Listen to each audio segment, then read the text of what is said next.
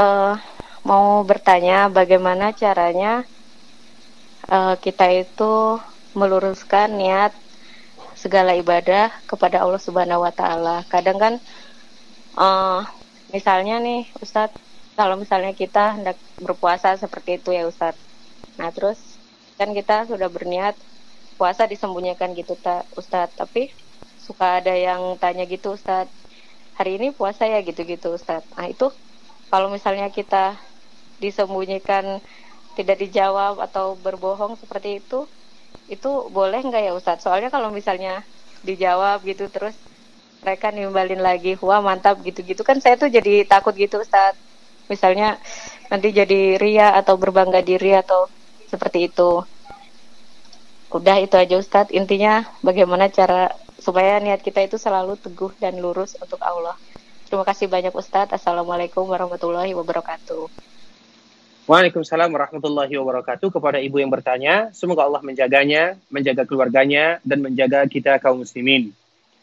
Semoga Allah Subhanahu wa taala senantiasa menjadikan kita hamba yang betul-betul ikhlas karena Allah Subhanahu wa taala dan mengharapkan pahala dari Allah Subhanahu wa taala karena perkara ikhlas adalah perkara yang sangat besar. Namun Allah Subhanahu wa taala akan memberikan ganjaran yang terbesar pula bagi mereka-mereka yang senantiasa berusaha untuk mengikhlaskan dirinya. Di dalam permasalahan seperti ini ada dua poin yang harus kita tahu.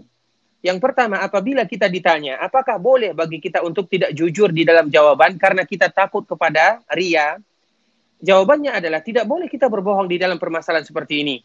Karena berbohong di dalam syariat Islam, sebagaimana yang disebutkan oleh Rasulullah wasallam dalam hadis yang dikeluarkan oleh Imam Tirmidzi rahimahullahu taala, berbohong di dalam Islam atau yang diizinkan kita berbohong hanya tiga perkara saja adalah berbohong antara suami dan istri demi kerukunan kerukunan rumah tangga mereka.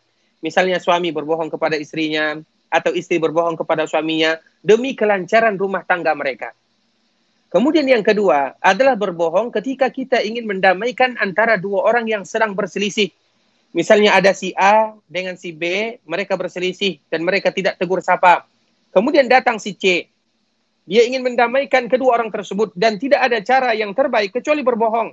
Dia datang kepada si A sambil mengatakan, wahai fulan, wahai si A, saya mendengar si B tersebut dia senantiasa memujimu, menghormatimu, menyayangimu. Kemudian dia datang lagi kepada si B dan menyebutkan kalimat yang sama. Sehingga akhirnya A dengan B ini, mereka akur kembali setelah mereka berselisih dan setelah mereka tidak tegur sapa. Nah ini boleh, berbohong seperti ini juga dibolehkan. Dan yang ketiga, berbohong ketika di dalam peperangan karena al-harbu khida'. Karena peperangan tersebut adalah bagaimana tipu muslihat, bagaimana kita menipu lawan untuk mendapatkan kemenangan. Tiga inilah yang diizinkan di dalam syariat Islam.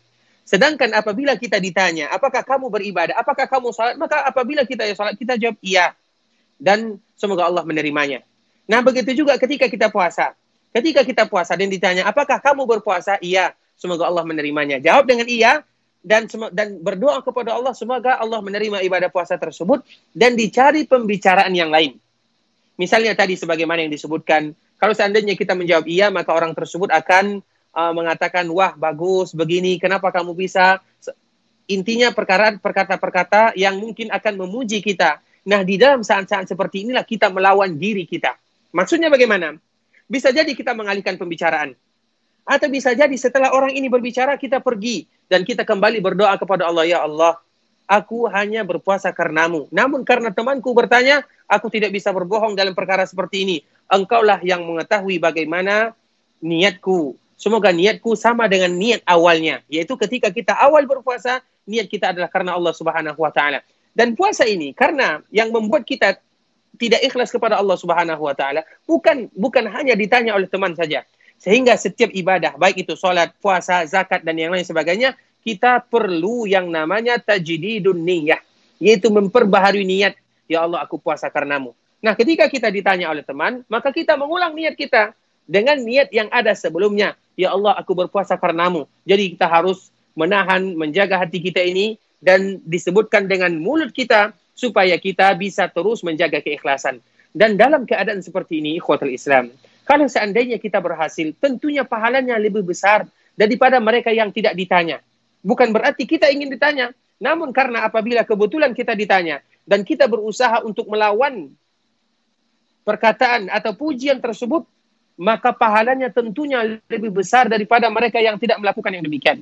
Oleh karenanya, apabila kita ditanya hal-hal seperti ini, maka kita menjawab secara jujur dan kita berdoa kepada Allah agar Allah menjadikan keikhlasan dan kita berusaha juga bagaimana memperbaharui niat tersebut dan kita menjaga hati kita dan ketahuilah bahwa di saat-saat seperti ini Allah pun akan memberikan yang terbaik bahkan lebih baik daripada yang mereka tidak ditanya. Karena tidak mungkin kita tidak menjawabnya atau tidak mungkin kita berbohong dalam permasalahan seperti ini dan kita juga berusaha untuk memberikan motivasi kawan-kawan kita karena bisa jadi ketika kita berpuasa dan mereka bertanya bisa jadi masuk ke dalam hatinya dan mereka pun mengikuti kita dan mereka tetap uh, berkawan berteman dengan kita yang mana mungkin mereka menganggap kita ini adalah orang soleh dan kita pun demikian. Jadi itu adalah tahfiz motivasi bagi kita untuk senantiasa beriman ber, beramal beribadah. Karena Allah Subhanahu wa taala jadi yang harus kita cari adalah tajdidun niyah, yaitu senantiasa memperbaharui niat dan mengalihkan pembicaraan serta kita iseng-iseng. Misalnya kita mengatakan saya ini makhluk lemah, saya ini misalnya demikian demikian